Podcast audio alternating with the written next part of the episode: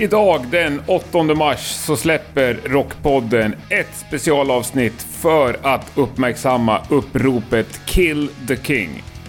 Istället för att jag ska försöka sitta här och förklara saker och ting så tycker jag att vi går direkt in på ett mycket intressant samtal. Dit jag hade bjudit in tre kvinnor som har lite olika infallsvinklar till hårdrocksscenen.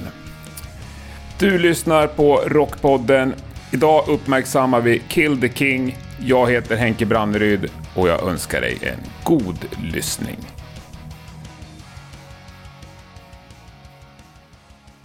Då har jag samlat tre fantastiskt intressanta kvinnor kring ett runt bord för att prata om det ständigt aktuella ämnet Kill the King.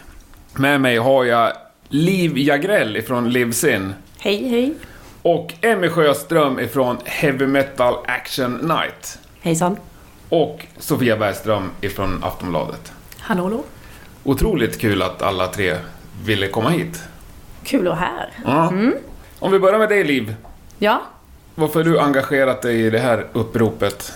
Eh, I och med att jag har spelat eh, hårdrock i, ja det är ju typ 13, 14, 15 år snart. Mm. Så kände jag att det här det kändes väl, jag vet inte varför inte det har skett innan. Men eh, det kändes lite som när det väl kom igång det här att, men shit, det här måste vi ju, det här måste vi rida på. Det, och det behövs. Mm. Och det har jag, under alla dessa år har jag även märkt det egentligen jättemycket. Men någonstans så är det väl att bara någon måste starta det och att det sen rullar igång. Så då kände jag att det var självklart att, att jag måste hänga på på det här. Mm. Och att det är, det är viktigt. Det måste, vi måste lyfta fram grejer och vi måste få en förändring. Men har du satt ord på det här innan, så att säga, under de här tidigare åren? Kanske mer i, början av min karriär, eller början när jag egentligen inte hade en karriär, om man kan säga så. Eh, när, man fortfarande, när jag fortfarande kämpade ganska mycket, då märkte jag kanske mer av det här att folk, att, eller män gav sig på mig på ett eller annat sätt eller var väldigt nedvärderande. Sen kan jag ju tycka att efter ett tag när det började gå bättre för mitt band som jag då spelade i som hette Sissi Sin.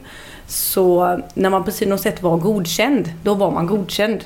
Och sen så, så kände jag inte av den här grejen lika mycket. Så jag har lite fått leta tillbaka i minnet mm. på hur det var när jag började att ge mig in på det här. Och alla sådana här äh, klapp på huvudena som man fick och lite så här, ja ja, du kan väl tro att du ska spela hårdrock. Lite den.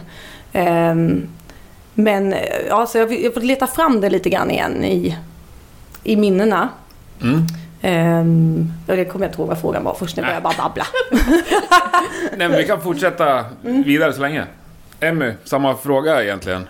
Mm. Varför engagerar du dig i det här? Jag är ju en av initiativtagarna för det ja. första. Um, och det kom väl sig efter att höstens alla metoo-upprop såg dagens ljus, eh, dagens ljus. Och då så pratade jag med Hårdrock mot rasism. Eh, och vi kom fram till att fan, det som beskrivs i de andra uppropen det är ju någonting som vi har upplevt inom hårdrockscenen. Eh, och jag själv har varit aktiv i, ja men säg 10 plus år. Eh, och har många erfarenheter som inte känns helt okej. Okay. Eh, och nu kändes det som att det är dags att få upprättelse. Så då drog vi igång mm. Kill the King. Och det är många med oss som har delat de här upplevelserna av scenen att det inte har gått schysst till. Så ja, vi fick ju väldigt stor mm. uppbackning ganska så fort. Många som delade med sig av sina historier och spred hashtaggen i sociala medier. Det har vi alla sett, det exploderade ju fullkomligen. Mm. Um, ja. När du har varit aktiv i tio år, för nu är du lite här som arrangör. Ja. Ja, är det det du har gjort i Nej, när jag säger att jag har varit aktiv i scenen så menar jag som besökare på diverse festivaler, spelningar, rört mig i forum. Ja, mm. Helt enkelt levt ett hårdrocksliv i tio år. Mm. Så kan man väl säga. Eh, som arrangör har jag gjort Heavy Metal Action Night första gången 2017. Eh, ja, fortsättning följer på det. Det ser vi fram emot. Men det tar vi ett annat avsnitt. Det gör vi nästa gång. Och Sofia? Ja, nej men... När jag först fick höra talas om Kill the King så tänkte jag precis som Liv nyss nämnde att varför har, inte, varför har vi inte pratat om sexism inom scenen innan? Jag skrev visserligen några krönikor om det för Rocknytt för ett par år sedan och fick väldigt starkt gehör men det liksom blev inga större svallvågor sådär. Och har ju själv som, eh, som aktiv inom hårdrocksscenen eh, i stort sett hela mitt liv eh, stött på väldigt mycket trakasserier, sexism, både som konsument av metal och sen även i min roll som musikjournalist. Och har känt att eh, mina manliga branschkollegor har haft det mycket, mycket lättare och sådär. Eh, men det är ett, liksom ett eh, hjärteämne som jag har haft länge så jag ropade högt när jag läste om mm. Kill the King och sådär. Och jätteglad att ni tog initiativet till det. Eh, och skrev också en krönika om det i Aftonbladet i början av december tror jag det var. Ja, har ju själv varit drabbad av problematiken så därför är det viktigt för mig att engagera mig. Mm. Vi kanske spar lite med liksom, personliga ja. erfarenheter. Kan inte ni försöka börja och ge en lägesbeskrivning? Kanske, till dem, ja, jag tänkte att till, du, En lägesbeskrivning av scenen? Eller av uppropet? Nej, av scenen. Av, av situationen. Okej, okay, situationen mer. Ja. Mm. Ja, jag kan väl ta besökarperspektiv. Ja, men ja. det... Eh, nej, men det som jag och många med mig upplever är att, precis som Liv säger egentligen, att man måste bli godkänd för att få lov att vara med på samma premisser. Eh, du får ständigt liksom kritiska motfrågor när du säger att du gillar ett band. Då är det så här, då ska vi testa henne ifall hon verkligen gör det eller ifall det är hennes pojkvän som har visat henne det här. Och det är så fruktansvärt jävla tröttsamt att ständigt behöva sättas på prov. När man bara vill ha en rolig utekväll, lyssna på heavy metal, dricka öl. Det, det räcker. Det räcker. Alltså vi vill bara leva vårt liv. Det är så. Eh, sen så för att bli lite mer seriös så är det ju många övergrepp som begås på våra festivaler och på våra spelningar. Där vi liksom är för att ha kul tillsammans. Eh, och att ständigt känna sig som något slags villebråd, det mår man inte bra av. Och så vill vi inte ha det. Verkligen inte. Jag skriver under på allt hon sa ja, där med det. Hög igenkänningsfaktor. Är de sakerna sammankopplade? Som du sa Liv, när, att du blivit godkänd. Mm. Har trakasserierna upphört ja, alltså, efter jag godkänd-stämpeln? Delvis kan jag tycka att det är lite så. Sen tror jag att i min position, till skillnad från om man är en besökare, är att folk vågar inte riktigt när man väl har fått en status. För det har jag lite jag mm. känt så att när jag väl liksom kom upp och man får en sån här status så är, så är man inte ett villebråd lika lätt för att man, ja, folk vågar inte. Jag är inte någon man, man ger sig på. Jag är musikern som står där uppe på scen. Och jag har säkert sluppit väldigt mycket trakasserier bara av den anledningen. Och sen hade jag i mitt dåvarande band som jag var ute med mest då, eh, även tre stycken karar som väldigt gärna så här, var är Liv någonstans? Behöver hon hjälp? Och det har också räddat mig tror jag mycket. Jag har liksom inte kanske råkat ut för så mycket som jag skulle kunna. För att de hade koll på mig och de kunde läsa mina signaler och de visste när jag behövde hjälp. Eller jag ville mm. bli räddad eller något liknande. Eh, men jag tror att det är värre att kanske vara då besökare. För, för som sagt, har man en viss sorts status så... dessutom så får jag ofta det här också att en del är nästan lite rädd för mig för att jag är så på scen och åh oh, gud, hur, hur, vågar knappt prata med mig. Ja, nej men jag kanske inte att jag gör det men jag kanske ser lite hård och arg ut på scen har jag förstått. så, och då skrämmer det bort en del som inte då vågar. Utan de, det som jag mer kanske då har fått det är folk inom branschen. Inte så mycket musiker eh, faktiskt måste jag säga.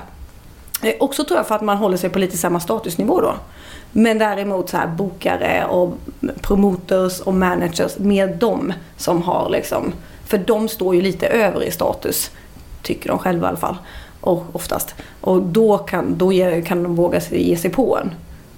Men, men jag tror ju att, och det kan ju kanske du svara mer på då, att eh, jag kanske har blivit räddad lite av att jag har haft någon slags status. Mm. Att eh, man inte vågar ge sig på en musiker på det sättet. Mm men ändå, på vilket sätt är det de ger sig på ändå, bokare och... Nej men där kan man, alltså det är mycket knäpp idiotiska förslag eller så här. Äh, ja, jag kan ju, du vet ju att jag är stor och häftig och följer du med mig? Eller jag har bokat, många gånger speciellt i USA så kunde promotors ha bokat egna rum till mig. Till exempel ett eget hotellrum som var till mig. Men jag vågar inte gå in till det hotellrummet för om han har bokat ett, ja ah, men jag tänkte du kanske ville ha ett eget hotellrum. Så känns det lite som att vad måste jag då betala för det hotellrummet eller vad vill du med det? Och, ja, sådana grejer har jag råkat ut för ganska mycket. Ja, och då är det ju de lokala promotorsarna eller ja, även eh, dålig erfarenhet av managers som, som har liksom gärna insinuerat sådana grejer liksom. Ja, men lite skamlösa förslag. Lite, väldigt mycket skamlösa ja. förslag. Ja. Så. Inte främst blivit sedd som professionell musiker utan Nej. kanske som någon man kan ha en rolig kväll ja, med. Ja, men mm. verkligen så. Och gärna utnyttja då. Jag, för de flesta turnéer jag varit på har jag varit enda tjej liksom. Mm. Och då ska man ta hand om mig. Fast det är liksom alltid lite för mycket ta hand om. Var det mer sånt i början av karriären också eller hänger det i idag?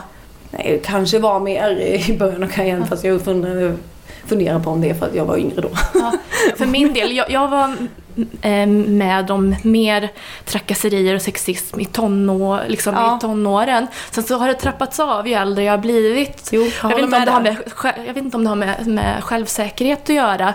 Jag var väldigt så här, blyg och tillbakadragen som, som ung och liksom tittade ner i marken och jag kanske liksom avspeglande så här offer på något sätt. Eller som att jag var fair game. Och sen så fick jag lära mig att jag ska gå med näsan högt, ha på mig klackar så jag blir längre än alla män.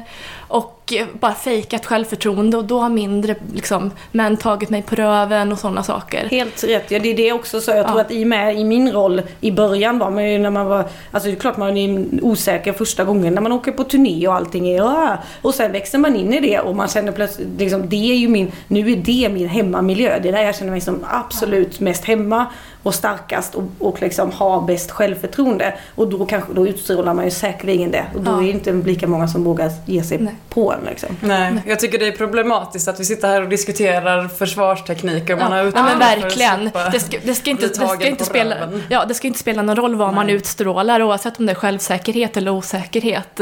Att det ens finns problematik till att börja med är ju inte okej. Nej, alltså man vill ju bli tagen på allvar och ja. lämnad i fred. Så länge man inte bjuder ja. in till något o annat. Oavsett ålder. Ja. ja. Oavsett ålder, oavsett självkänsla, ja. självsäkerhet, mm. utseende, klackskor eller inte. Ja. 1,85 lång eller 1,60 lång, det spelar ingen roll liksom. Nej, verkligen inte. Nej. Det... Nej, självklart inte. Men för er är ju det här en vardag och någonting ni har vuxit upp med och ni ser det som en naturlig del av hårdrocksscenen om vi kallar det så. Ja, det har ju tyvärr. Men, ja, men anledningen till att jag ställer frågan är ju inte för att jag är dum i huvudet liksom, utan det är ju för att jag har ju aldrig upplevt det här. Nej. Jag ser det ju inte från ert håll, så att säga. Och jag är ju genuint nyfiken mm. på hur ni upplever det utifrån era olika... Sen tror jag också så det, i och med det här så börjar man ju liksom tänka på vad man själv har normaliserat. Eller mm. så, och då börjar jag liksom inse hur mycket som jag i mitt huvud har tänkt, ja men det här bara är så. Och sen tänker man efter, ja men måste, ska det verkligen vara så? Exakt. så det är väl liksom det jag tycker att uppropet börjar göra, att man bara, ja, nej men, jaha det här. Det De små grejerna är ja. fan inte okej det heller. Nej men att, och, och, och, att man liksom har börjat, att mycket har varit att man bara, nej men, men så här är det ju. Och, och lite det här Eftersom det var ändå ganska länge sedan jag kom in på det här att ja men när man, är du tjej i hårdrock så får du ta det här. Mm. Det är det som var beredd att du får fightas för din rättigheter och för, för dina, ja, du kommer få en massa, massa kommentarer och en massa skit för det. Så var beredd liksom. Och det bara var, det bara var så. Mm. Eller är så liksom. Men hängde ni med på vad jag menade? Jag förstår att det kan vara mm. tröttsamt att ja. behöva förklara någonting som är självklart för er, eller för dig Emmy. Mm. Men för... Jag tror att jag är liksom den genomsnittlige... Slitt, den genomsnittlige... den, genomsnittliga. den genomsnittlige Rockpodden-lyssnaren. En, mm. en man i 40-årsåldern från en småstad i Sverige. Och den killen, eller mannen, eller gubben, har ju inte... Han kanske inte förstår vad det är riktigt vi menar. Nej, det är därför det är viktigt att som man som inte känner igen sig att man lyssnar på vad vi har att säga. Läs texterna, mm. läs vittnesmålen. Fast nu har jag ju bjudit er för att ni ska Mm, berätta. Ja, precis. Jag bara vill eh, sträcka Ja. ut det här tipset till den genomsnittliga Rockpodden-lyssnaren Ja. då. Som kanske inte alls känner igen den här som verklighet. Eh, Läs vad vi har gett ut från Kill the King så får du en helt annan bild av din verklighet. Mm. Men- när man väl kan liksom sammanfatta det med att, eh, att hårdrockscenen inte är förskonad från sexuella övergrepp, från sexism. Det är oftast en mytbild eller något som jag har fått höra väldigt ofta. Eh, liksom hela livet i stort sett. Att nej men hårdrockare är så snälla, det händer ingenting på festivaler och sådär. Men eh, den problematiken finns, vi lever i ett patriarkalt samhälle. Och som eh, kvinna, jag liksom kan ju verkligen identifiera mig med det här med att man är tvungen att bli accepterad på grund av liksom, att man är kvinna eh, och blir ofta förhörd och så vidare. Men det finns den här problematiken inom scenen, helt klart. Runt omkring oss och vi får vara vaksamma och hjälpas åt. Ja, men för Jo. jag tänker också att det, det här är ju bra nu att när vi gör det här att då kan man ju förmedla det. För jag tror ju även att det, precis som hur, hur ska, alltså vi kanske, vi kanske måste berätta att vara, vara mer tydliga med vad som är rätt och fel och att det här förekommer, precis som vi har gjort nu. För att om ingen berättar så är det ju ingen som vet vad problemet är heller. Liksom. Jag tänker att som, precis som du säger där då, om man, vanlig rockpodd-lyssnare kan inte riktigt...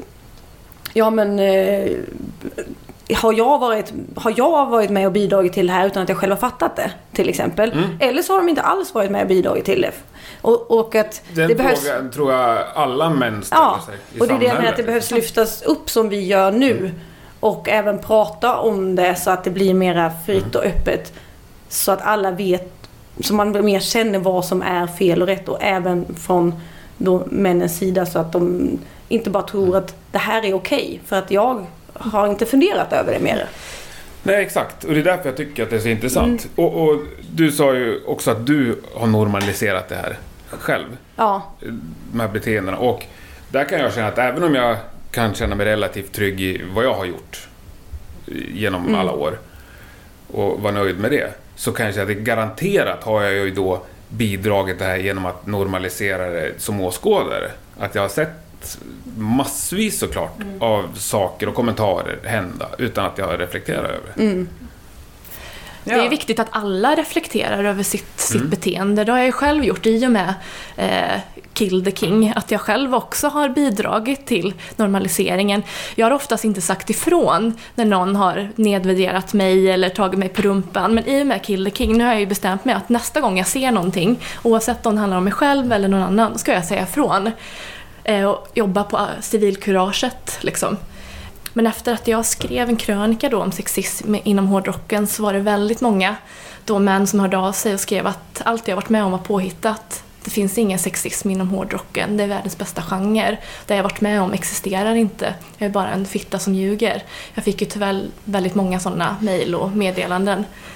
Det är ju hyggligt ironiskt också att man kallar dig fitta då i... Mm, när man exakt. Jag, jag, jag sa skämtdumpar, precis så det, ja, jag har Ja. dokumenterat. Ja, vi har också Eh, fått väldigt många sådana kommentarer till både Heavy Metal Nej, Action men och så, the King. Ja. Om då den som lyssnar nu säger men jag har inte sett någonting eller kanske gjort någonting. Men bara för att man själv inte har sett det så betyder det inte att det inte existerar. Nej. Det resonemanget har ju jag fått höra väldigt mycket det senaste då. Nej men så här, jag har inte gjort någonting, jag har inte sett någonting. Så det du säger är lögn. Man kan inte ha den logiken. Men kan Nej. du ge några bra, eller bra, ge några dåliga exempel på, på vad du ändå fått uppleva? Nej men i, eh, i första åren när jag började gå på konserter, mellan, när jag var mellan 12 och 16, var det någon som tog mig på röven varje konsert i stort sett. Eh, undantaget var om jag inte blev tagen på röven. Eh, och jag var ju ofta så ensam tjej i många sammanhang själv på de flesta konserterna. Jag vågade inte säga ifrån. Kände mig jätteosäker. Eh, och sen på, på olika VIP-områden eller backstageområden på festivaler så har många äldre män tagit för givet att jag är en groupie, eh, att jag är där för att ligga och har liksom tagit på min kropp och så tagit för givet att jag ska följa med. Och många gjorde så liksom innan jag ens hade kysst någon eller varit i ett förhållande själv. Det var otroligt obehagligt. Och som sagt, det har trappats ner lite ju äldre jag har blivit. Ehm, men det är väl några av de sakerna som jag har varit med om.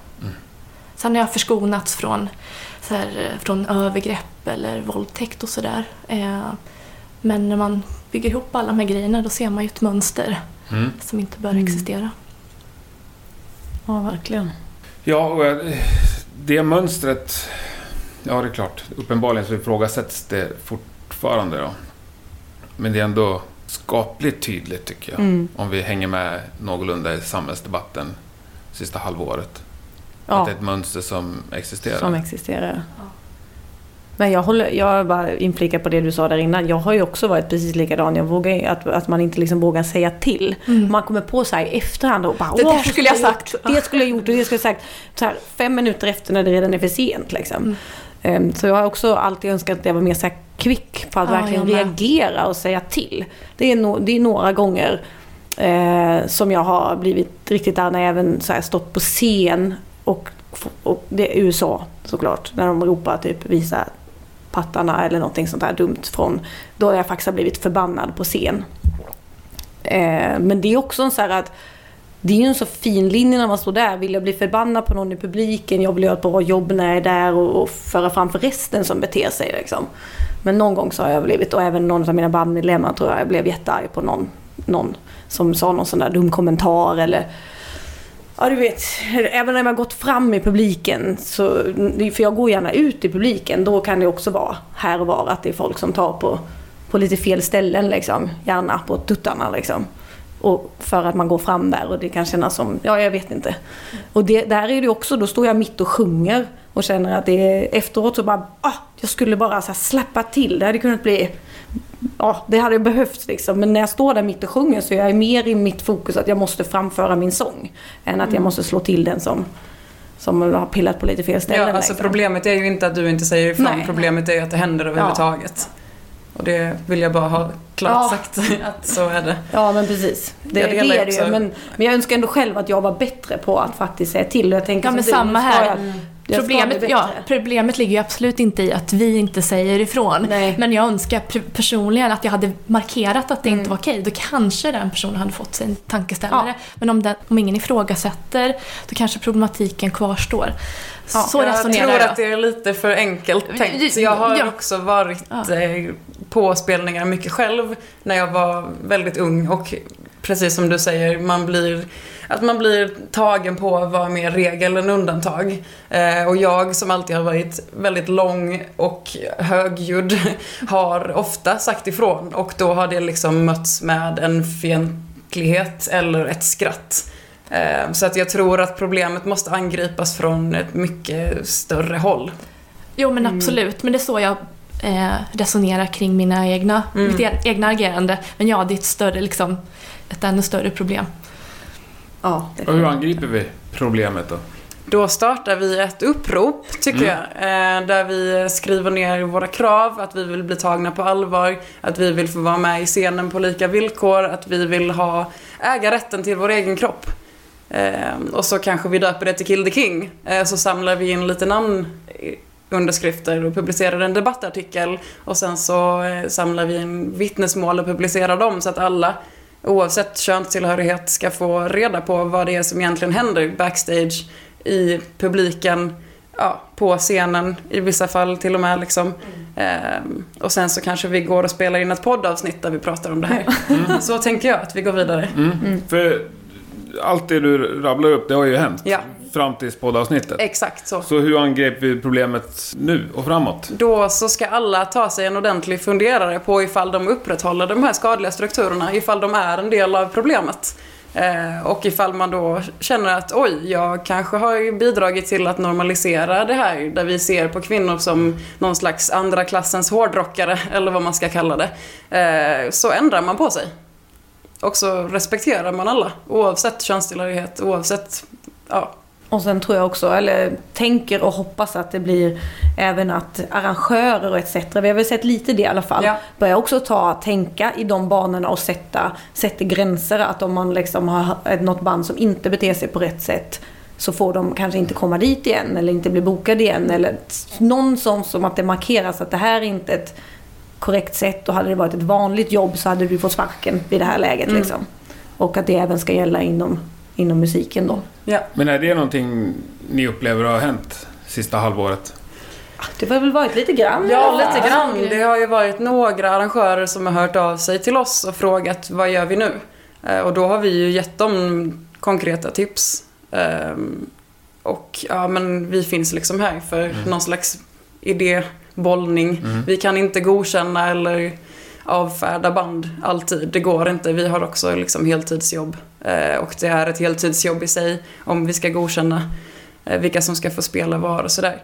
Men eh, jag skulle också personligen önska att fler arrangörer hörde av sig och frågade men vad kan vi göra? För att så många har det inte varit som det Nej, borde vara. Som det borde vara.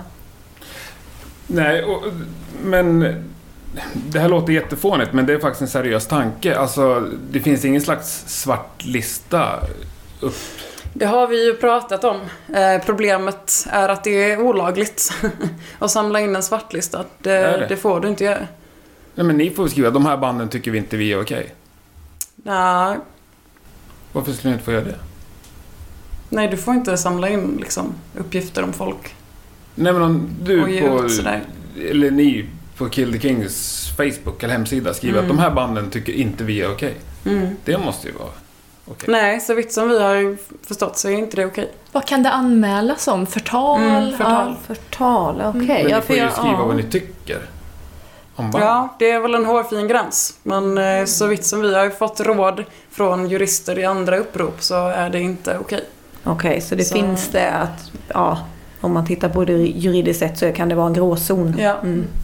Mm, för det, det, jag har ju försökt läsa på så mycket jag har kunnat här de sista veckorna. Mm. Och det pratas ofta om att ställ inte förövarna på scen och sluta boka de här banden. Men det, det finns ingenstans där man hittar information vilka band det är jag inte ska boka. Det finns väl ett band som är namngett.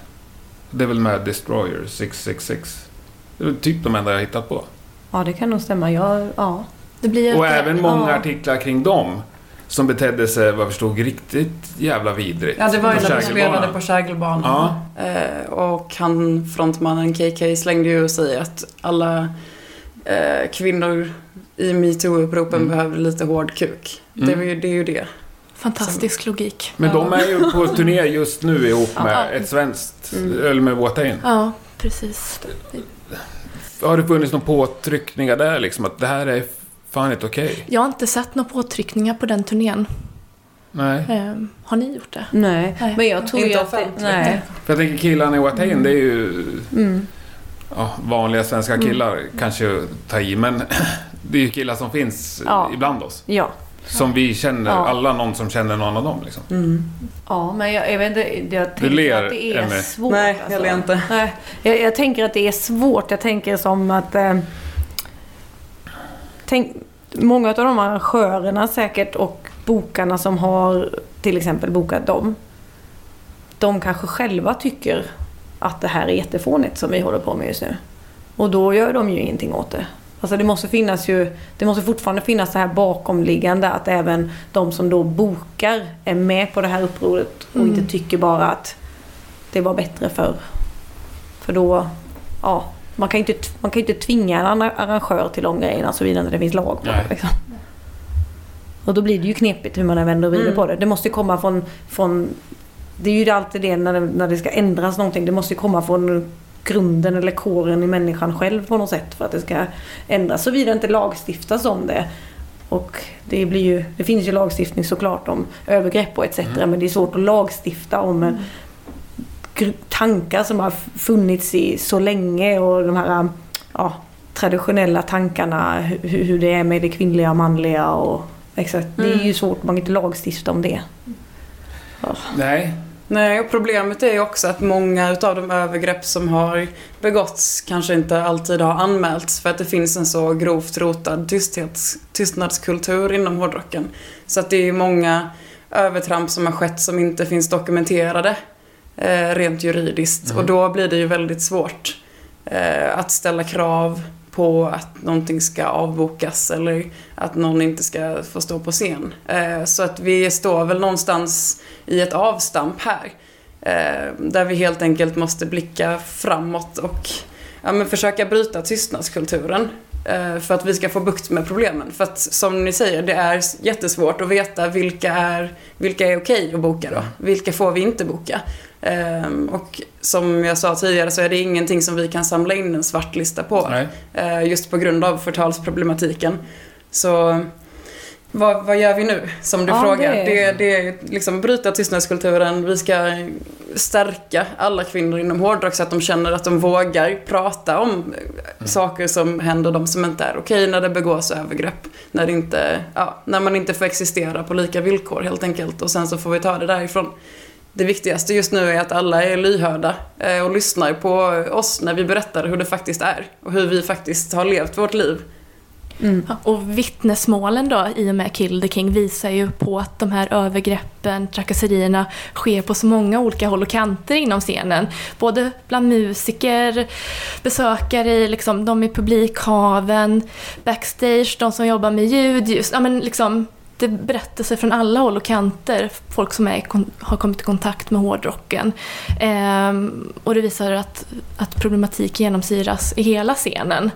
Ehm, och för min del, jag personligen, de, de musikerna som har gjort något personligen mot mig, de har jag slutat se på. Jag går inte på deras konserter, jag stöttar inte dem, jag eh, skulle inte skriva om dem.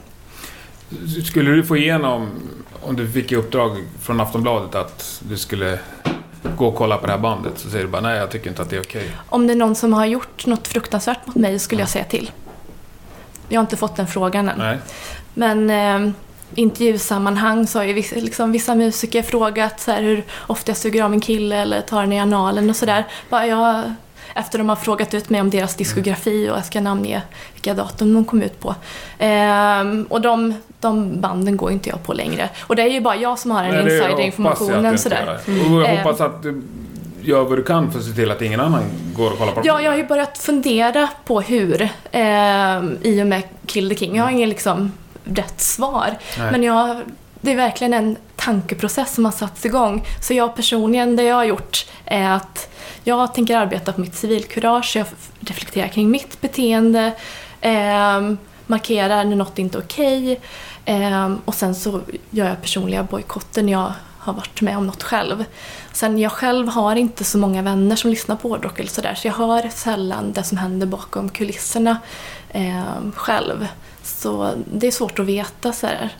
Vill, liksom, är det förövare på scenen nu av de jag ska recensera? Mm. Det, och eh, om jag skulle få den vetskapen i efterhand, det skulle kännas skitjobbigt. Ehm, Men därför, Ja, och det är ju samma fråga Mm. som Ja. jag ställer. Och Jo, men jag tror att vi alla, alla känner frustration Ja. över det här. Mm, men jag tror att det är bra också att, att man vågar prata med varandra. Alltså Ja. så, att det här, så att det kommer fram. Jag menar visst, vi kan, inte- man kan inte göra någon svartlista men man kan ju åtminstone vara mera öppen till varandra och berätta och, inom, och då menar jag inte bara tjejer utan även eh, de, de killar som faktiskt är bra och hjälper oss i det här. Att de också kan berätta när de ser dåliga beteende på vissa som man vet. Så kan ju det spridas på det sättet lite grann. Och för, för det är klart, för det är svårt att göra den här svartlistan men, men ingen kan ju inte, mun till mun metoden får man ju fortfarande får, den funkar ju ändå. Att man får fortfarande berätta och prata om det här hände mig med så vet, de här är inte bra, det här hände mig. Till exempel. Och då kanske det kan resultera i, i en bojkott även om det kanske blir en mindre bojkott. Men nås du av sådana mun till mun? Ja men nu gör vi ju det. Ja, Vi fast- sitter här lite ja, grann och pratar absolut, och men så. Vi, får, vi har Ja. inga namn, vi vet fortfarande inte vilka det är vi inte ska boka eller inte stå och heja på. Nej, men tror du inte det är lite också tror jag att för jag kan ju bara prata för mig själv. Man är ju jätterädd för att hänga ut folk och man är jätterädd för att hänga ut, nu ska jag inte säga fel folk, men att man börjar liksom tänka själv lite hur långt vågar jag gå i det jag berättar? Och jag tror att man kanske där måste man, det pratar för mig själv också, men att alla, vi måste börja våga prata mer och vara, och vara mer öppna. med jag, känner Ja. också rädsla. Nu har inte jag namngivit någon och det, jag Nej. vågar inte. Nej. För några svenska musiker som kanske sitter och lyssnar nu. Ja, och det är ju det, alltså, står vi inte i ett litet dödläge Jo, nästan? då står man i ett litet dödläge. Jo, på det sättet ja. Ja. Men det som man kan göra som en del av scenen är som sagt lyssna, ge plats, visa Mm. respekt. Det är där vi kan jobba och det är där vi kommer fortsätta jobba. tills alla lyssnar. Vi kommer inte sluta prata om det här. Förrän alla har förstått hur man ska bete sig. Så att vi slipper sitta här och ha den här diskussionen om hur ska vi namnge förövare. Det är liksom det, vi vill ju komma bort från det. Ja, egentligen vill man ju att det ska fun- vi vill, man vill ju fundamentalt att, att eh, det inte ska, ska behövas Exakt. Det är precis det jag menar. Mm. Fast eh, det förstår jag också att i, i drömscenario så Ja. finns det inga förövare att namnge. Så då är det ju oerhört vackert. Ja. Ja. Men ändå så verkar ni ganska överens om att det finns gott om dem. Ja. Ja. Jo men det här är ju problematik som vi har diskuterat sedan dag ett. Hur gör vi? Vi sitter på viss information. Hur, hur gör vi? Men eh, inte, vi har inte kommit fram till ett sätt ännu. Att, för att det finns förtalsproblematiken. Eh, och den tar vi på allvar, som sig bör, tror jag. Ehm, ja, helt enkelt. Vi jobbar på på de fronter vi kan och det gör vi med full styrka. Nu har du sagt att vi ska lyssna på er. Om man säger vi då. Jag tar männen. du får ta den. Jag, jag tar männen. Ja, ja. Det fick bli så. Vi ska lyssna på er och du sa så här, ändra er. Ja. Ja. Går det att vara lite mer konkret? Ja, men rannsaka dig själv ifall du- vi- vi tar ett vanligt scenario. Du är på en förfest. Vem är det som får välja musiken? Vem är det som pratar mest? Vem är det som liksom styr skutan, så att säga? Ehm, och när du går på spelningar, vem är det som står på scenen? Vem är det som, ja, vem är det som får synas? Vem är det som får ta plats egentligen? Då tror jag att de flesta av oss kommer nog svara att det är män. Eh, på alla de här frågorna jag precis ställde. Ehm, och jag tror att det är dags att ändra på det. Eller jag vet att det är dags att ändra på det. Ehm, ja men ge plats liksom. Ge utrymme till, till dina kvinnliga vänner som gillar hårdrock. Ja, och förfesterna... Nu ska inte jag heller ta försvar här, men förfestbilden känner jag inte igen. Nej, okej. Där umgås Nej, jag med väl- Mm. starka kvinnor som Ja, tar över stereon. Men sen går vi då på festivalen här, efter förfesten. Då är Mm. det såklart att jag känner igen det. Det var väl 96% män på Sweden Rock i år. ja det är väl alltid det. Ja. Ja, det är det nog alltid, ja. Absolut. Mm. Och det känner jag såklart igen. Och där finns det ju också just nu en viss problematik i att det är ganska svårt att göra en 50-50. Mm. Ja det är det ju Ja, absolut. det Men det. Som däremot måste jag bara inflika för det här är ju jag har fått höra både mitt, med mitt gamla band Sister Sin och med mitt nya projekt Livsin att man får till svar ibland vi har redan fullbokat tjejband. Eller Också ja, tjejband, tjejband. punkt, punkt, Det är redan, vi, vi har liksom, den kvoten är fylld. Vi har två stycken eh, av 25 och vi kan, det räcker. Och då blir man lite så här. jaha, det, det känns inte riktigt. Nej. Nej, Boka oss för att vi är ett bra Mm. band istället för att tänka att ja, men vi har redan fyllt vår kvot med kvinnliga musiker i år. Ja, det förstår jag att det är fruktansvärt provocerande. Ja. Usch. Men eh, den här Nemis-scenen till exempel, va? Mm. på Sweden Rock, de jobbar väl på, mot 50-50? Ja, Är det någonting ni tycker är bra? Ja, Ja. men det tycker jag för, faktiskt. För det ger ju åtminstone en chans. Ja, jag tycker det är jättebra arrangörer och eh, liksom konserter och festivaler sätter upp jämställdhetsmål eller jämställdhetspolicies och gör en liten, liten plan på hur man kan nå den. Jag vet inte om jag nödvändigtvis tror på kvotering för kvoteringens skull. Utan det handlar ju om en långsiktig liksom, attitydsförändring så att fler och fler eh, personer som inte är män känner sig trygga och börjar lira musik eller lyssna på hårdrock och på konserter och sådär. Ehm, och sen per automatik då när vi ändrar attityderna kom, tror jag att det kommer finnas fler kvinnor allt längre fram. Och att det blir mer jämställdhet, jämställdhet på sikt. Eh, men jag tycker det är jättebra att sätta mål kring jämställdhet Ja, alltså och här är policies och så här, konkret plan. Och eh, hur man kan göra det. Men ehm, ja, jag vet inte riktigt om jag nödvändigtvis tror på kvotering. Jag tycker ändå att det där är någon slags början. För då Ja. är det ju som Ja, men absolut. Det, att där... För jag kan ju verkligen köpa att det kanske inte går att göra 50-50 i Sweden Rock. För det finns inte tillräckligt många kända band ska vi säga. För det kanske finns tillräckligt många band om man skulle leta. Mm. Men då skulle ju hälften av banden vara små okända band. För så är det ju just nu. Ja. Men det kan vi ju ändra nerifrån. Ja. Och då börja med då Nemesis-scenen scenen som är mest för, för okända band. Eller till och med, os, nej, kanske inte osignade, men åtminstone mindre band. Nya Med nyare band. väl det. Och där finns det ju ändå mycket, där är det ju bättre idag. Det ser vi ju att det finns väldigt många fler kvinnliga musiker nu. Så det måste finnas mer, band med kvinnliga musiker och eh, som även delar eller helt och att de då får chansen. Det tycker jag är bra för då bygger vi i alla fall upp det. Ja, alltså det är ju ett väldigt långsiktigt arbete som vi står inför allihopa i hela den här branschen. Liksom. Det är ingen som förväntar sig att Sweden Rock från ett år till annat ska boka Nej. 50% Nej, nej, män, det- 50% kvinnor. För att, ja, som, som sagt, Ja, det, det är fun- inte möjligt. fattar man ju. Det är Men jag absolut. tycker att Nemi-scenen, absolut, ett bra initiativ. Även det här kollosatsningen Ja, för unga tjejer det. tycker jag är helt Som Sweden fantastiskt. Rock eh, kör. Ja. Exakt. Ja. Det tycker jag är verkligen ett re- rätt st- steg på vägen. Eh, för att vi måste liksom börja där. Det är så vi ska bygga nästa generations eh, hårdrockare på något vis. Det är så, det är så vi får jobba. Långsiktigt. Verkligen. Ja men verkligen, jag önskar att det, att det, det fanns ett sånt kollo när jag, Ja, men när jag var skulle precis jag vill bli, säga det. Jag tänkte, ja jag vill bli 17 igen. Eh, men Ja. liksom, eh, jag undrar, jag funderar väldigt ofta på varför inte jag börjar spela ett instrument eller börjar lira i ett band. Och när jag har rannsakat mig själv och, och reflekterat kring det här den senaste tiden så har jag insett att jag hade bara manliga förebilder som ung när jag lyssnade på hårdrock och metal. Eh, och när jag var barn och lyssnade på Scorpions, Europe, Annihilator, Judas Priest, you name it. Det var ju ba- det är bara män. Och så jag, mentalt, eller mitt undermedvetna började förknippa liksom hårdrock med män. Jag hade ingenting att göra på scenen. Så tänkte jag som ung. Och jag önskar liksom att, jag, att folk hade börjat ifrågasätta tidigare för då kanske jag hade lirat i ett ashäftigt progressivt black and eh, death metal-band idag. Det är inte för sent. Nej, det är inte Nej. för sent. Men eh, jag tror det är problematiskt när eh, i, i media, eh, om det är främst liksom manliga musiker som syns. Jag tror det reflekteras i hur många som börjar lira band, tror jag. Eh, Fast det har ju, visst, kvinnor är mycket, mycket färre och har alltid varit så, men det har Men ju det ändå idag. alltid funnits ja, ja, absolut. kvinnliga rockstjärnor som varit både svincoola och skitbra Ja. liksom.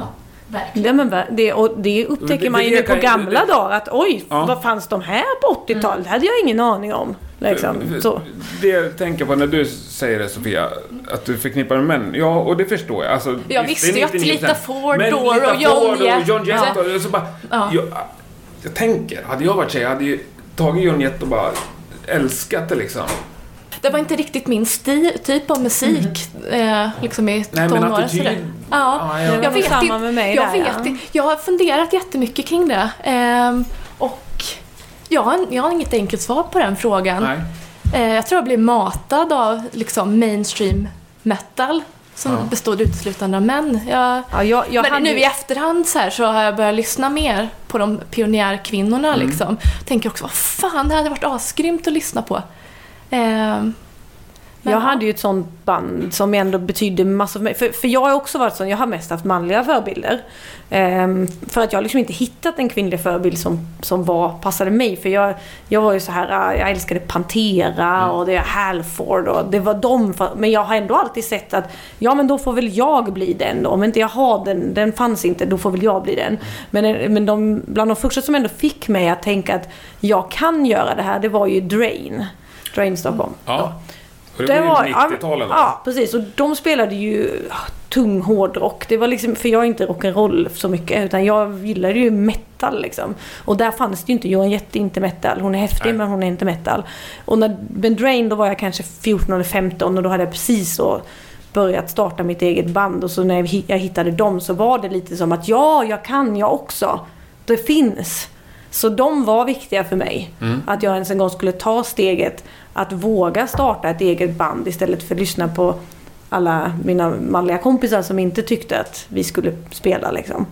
Så jag tror att det är jätteviktigt. Det är ju som du säger, man måste, vi måste lyfta fram de kvinnliga musikerna och kvinnliga banden kanske mer. De kanske inte belyses lika mycket som de skulle behöva. Och när de lyfts fram så kommer ju ungdomarna och med det liksom. När man får en förebild då, då tänker man att då kan jag också. Så känner jag med Ja. liksom Black och döds idag finns det ju väldigt många kvinnliga förebilder eh, som har liksom fått mig nu att fan jag ska också bilda band. Eh, men för tio år sedan då fanns många av dem inte. Liksom. Men nu har jag fler kvinnliga musikaliska förebilder.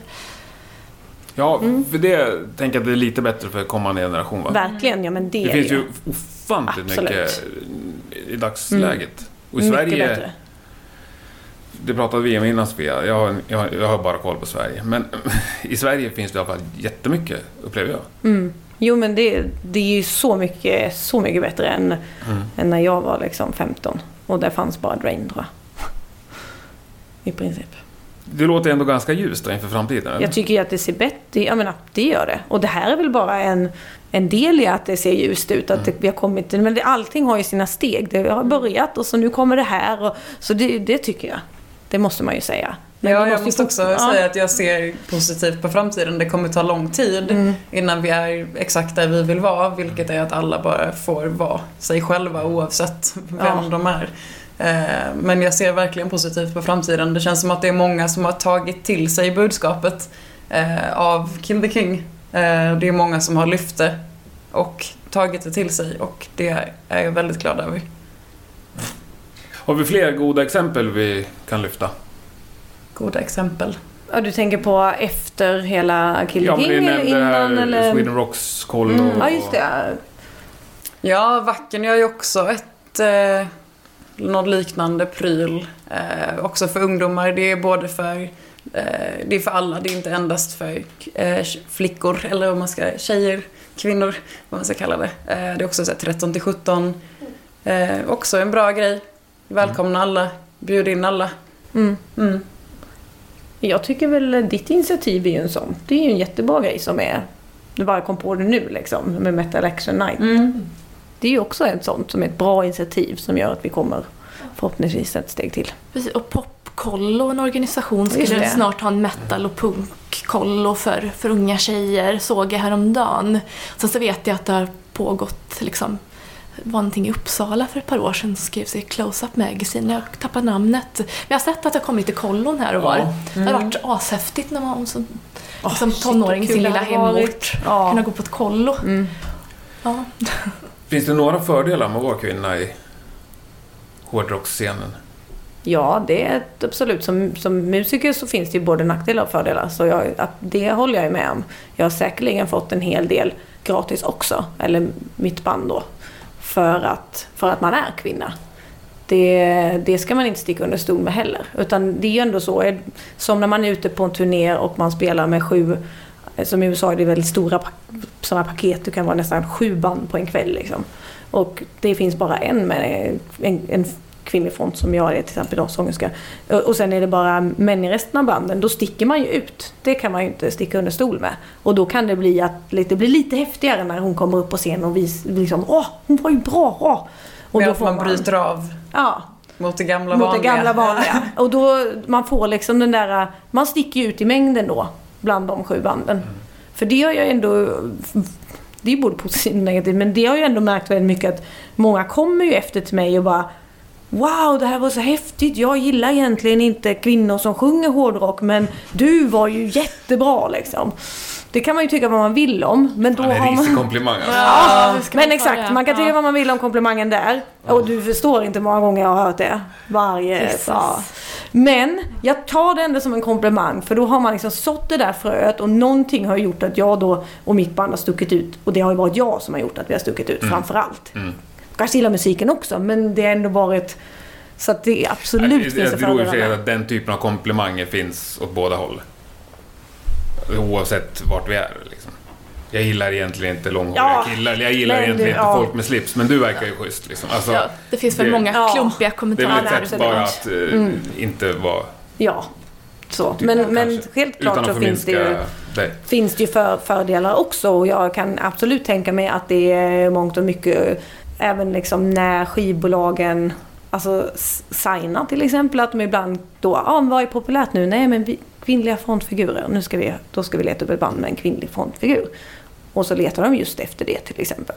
Då kan man ju också ha en liten fördel för att man är det. Till skillnad från de 30 plus åren som man har letat efter band med bara Bara män. bara män, så, ja. ja. Men ja, Men känns det som att det här Female Fronted, den kategorin är fortfarande just det, den jättestark idag. Ja, genre, ja. Ja, men det är som en Den är Och sen så finns det ju fortfarande kvar Hardest Chicks in Metal metal, hördes absolut. Rockstar Wives, alltså så många amerikanska och, och brittiska tidskrifter fortfarande lever kvar 2017, eller 2018 är det. Ja. Ja, det är helt absurt. Och jag eh, jobbar just nu på en, på en temaartikel om just det här till Aftonbladet som publiceras på torsdag. Och när jag gjort i mitt researcharbete har jag upptäckt att, att i varje artikel om en kvinnlig musiker så handlar det jätteofta om deras kärleksliv, vilka den har varit ihop med och deras familjeliv. Det ser man inte när man läser en intervju med en manlig hårdrockare. Då skriver man vem har du varit ihop med eller legat med? Men nästan i varenda artikel om varenda kvinnlig eh, kvinnlig hårdrocksmusiker så är det någon fråga eller någon, någon, något stycke om hennes kärleksliv. Alltså så här, många manliga musiker, vilka ligger de med? Jag har ingen aning. Vilka har de varit ihop med? Jag vet inte, jag bryr mig Och inte. varför Men, skulle det vara intressant? ja, sätt? precis. Nej, jag- Det är så jäkla tydligt. Ja, och där måste jag inflika också att det, det har ju inte skett mig så många gånger men jag har ju fått sådana frågor som hur, hur tänker du på det här med barn? Jag menar, hur många gånger läser man det i någon tidning med ett manligt band, vilket som eller vad som helst. Inte tusan frågar någon dem hur de tänker med det här med barn. Det, det kände jag att när jag har fått den frågan så är det bara för att jag är kvinna och över 30 som överhuvudtaget ställer den frågan.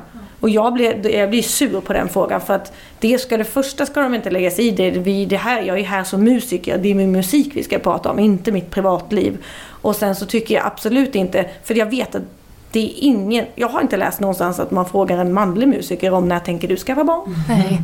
Jag intervjuade Doro för ett par år sedan på Getaway Rock i Gävle. Och hon sa att den vanligaste frågan hon får av, av liksom, journalister är hur det är att vara kvinna inom hårdrocken. Hon, hon sa att hon var så jävla less på den fr- frågan. Eh, att saker och ting alltid handlar om hennes, mm. kön. Och sen har ju hon fått så jäkla mycket kritik för att hon aktivt har valt att inte bilda familj och bara leva rock'n'roll-livet och sådär. Och det förekommer i jättemånga intervjuer när det var en manlig avsändare sådär. Varför har inte du skaffat barn? Ja men Eh. precis, och hur många frågar, det har jag aldrig sett Nej. en enda manlig musiker behöva utstå den frågan. Nej. Jag tycker att det är ju, ja. Ja.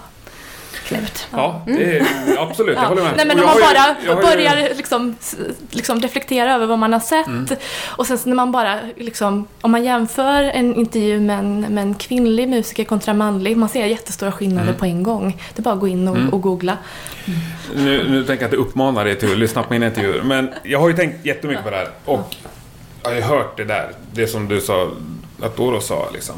Jag har ju varit svinnoga med att inte ställa den typen av frågor och inte liksom beröra kön överlag. Eh, Framförallt då när jag, jag har tänkt på det, kanske mest när jag intervjuar kvinnor. Men däremot så har jag fått kritik så här efteråt. Att ah, den där frågan skulle jag aldrig ställa till en man. Där jag bara, fast det kan du bara lyssna på tidigare avsnitt så hör du ju precis att jag har ställt samma fråga. Och det... Jag vet inte.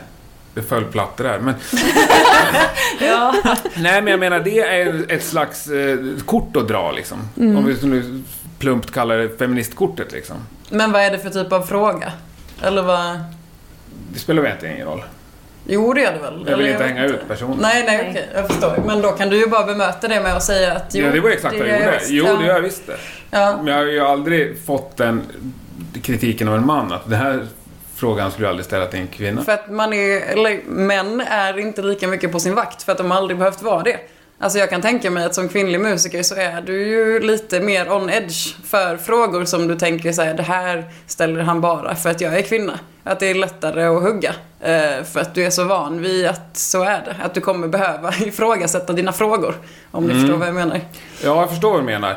Men Det är kan, svårt att kan säga inte det också då bidra till problemet? Om man förutsätter att nu blir jag behandlad så här, eller får den här frågan för att jag är kvinna. Om du har den som förutsättning. Då Mm. Ja, det är jättetråkigt. Då upplever du ju att det är ett problem, fast det inte är ett problem. Nej, det är jättetråkigt och det, det är ju ett resultat av att verkligheten inte ser lika skön ut för en kvinnlig musiker som det gör för en manlig. Att det resulterar i att du måste vara på tårna. Och det är ju det vi vill slippa.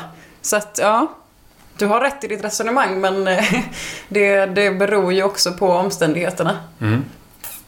Och därför, nu har jag liksom tjatat på er så här, men hur fan gör vi då? Säg åt oss. Ja, alltså det är ju ett kollektivt ansvar. Det, är, det är ju jättesvårt att säga att du ska göra exakt det här. Det handlar ju mer om att bete sig på ett vis mot dina medmänniskor. Det är ju liksom en, en, ett jätteflummigt svar, men Ja, det är det enda svar man kan ge. Och problemet är väl att de flesta tycker att de gör det. Ja, men att rannsaka sig själv en extra gång. Jag tycker också att det är viktigt att prata med folk. Alltså, ifall du, inte, ifall du tänker så här, ja men jag är väl schysst, jag har väl aldrig gjort någonting. Kanske du kan liksom öppna upp för diskussion med dina manliga vänner såväl som dina kvinnliga vänner.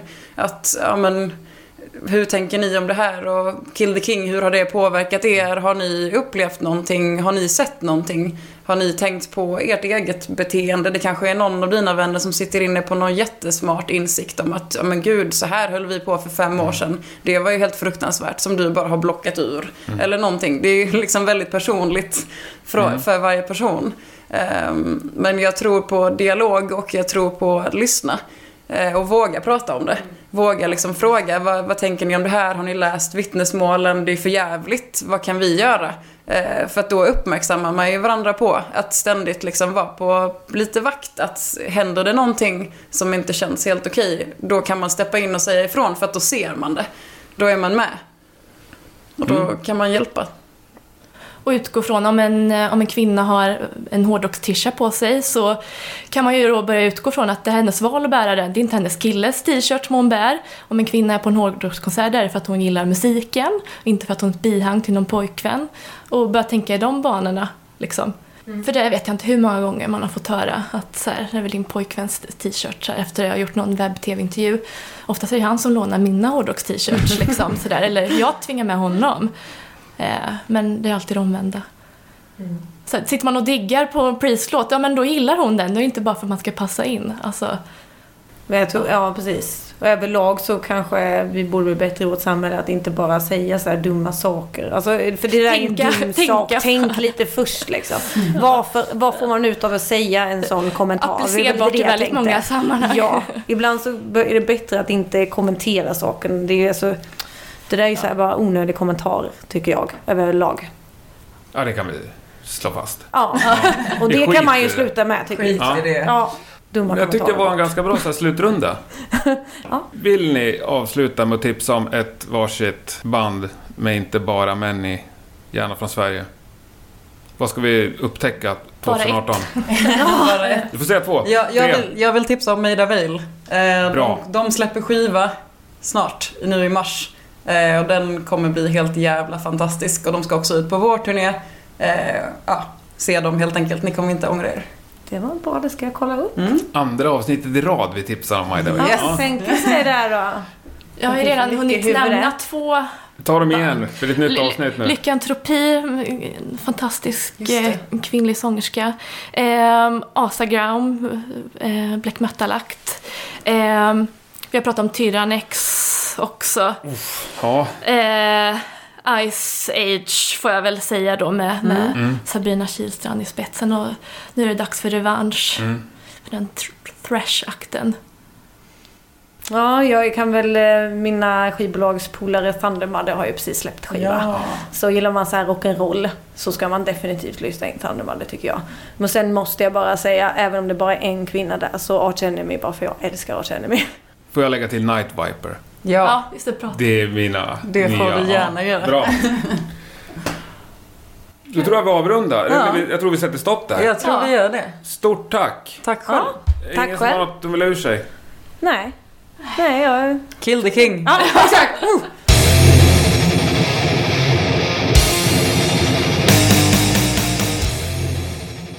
Mer än sådär hann vi inte med. Eller det kanske vi hade hunnit, men vi valde att sätta stopp. Jag ser dock fram emot fortsatt frågeställning och diskussion på diverse sociala medier. Rockpodden hittar du både på Facebook och Instagram. Och om du söker på hashtaggen KillTheKing så hittar du också väldigt mycket information kring det här. Stort tack till Emmy, Liv och Sofia för att ni ställde upp och delade med er av era insikter och erfarenheter. Och om det är så att du lyssnar på det här idag, det vill säga den 8 mars, och råkar bo i Stockholmstrakten så vill jag passa på att pusha för Kill the Kings grymma arrangemang som de har på Geronimos i Gamla stan. Det oerhört charmiga bandet Orkan står på scen och det kommer garanterat bli en mycket, mycket trevlig kväll. Jag vill också passa på att tacka Rockpoddens samarbetspartner Tilt Recordings i Strömstad. Ni gör väldigt mycket saker möjliga, bland annat ett sånt här avsnitt och det uppskattar jag något enormt. Då avslutar vi det här och då tycker jag att Liv Jagrell och hennes band Live Sin får göra det med deras kioskvältarlåt The Fall. Tills nästa gång, ha det så bra så hörs vi snart igen. Tack och hej!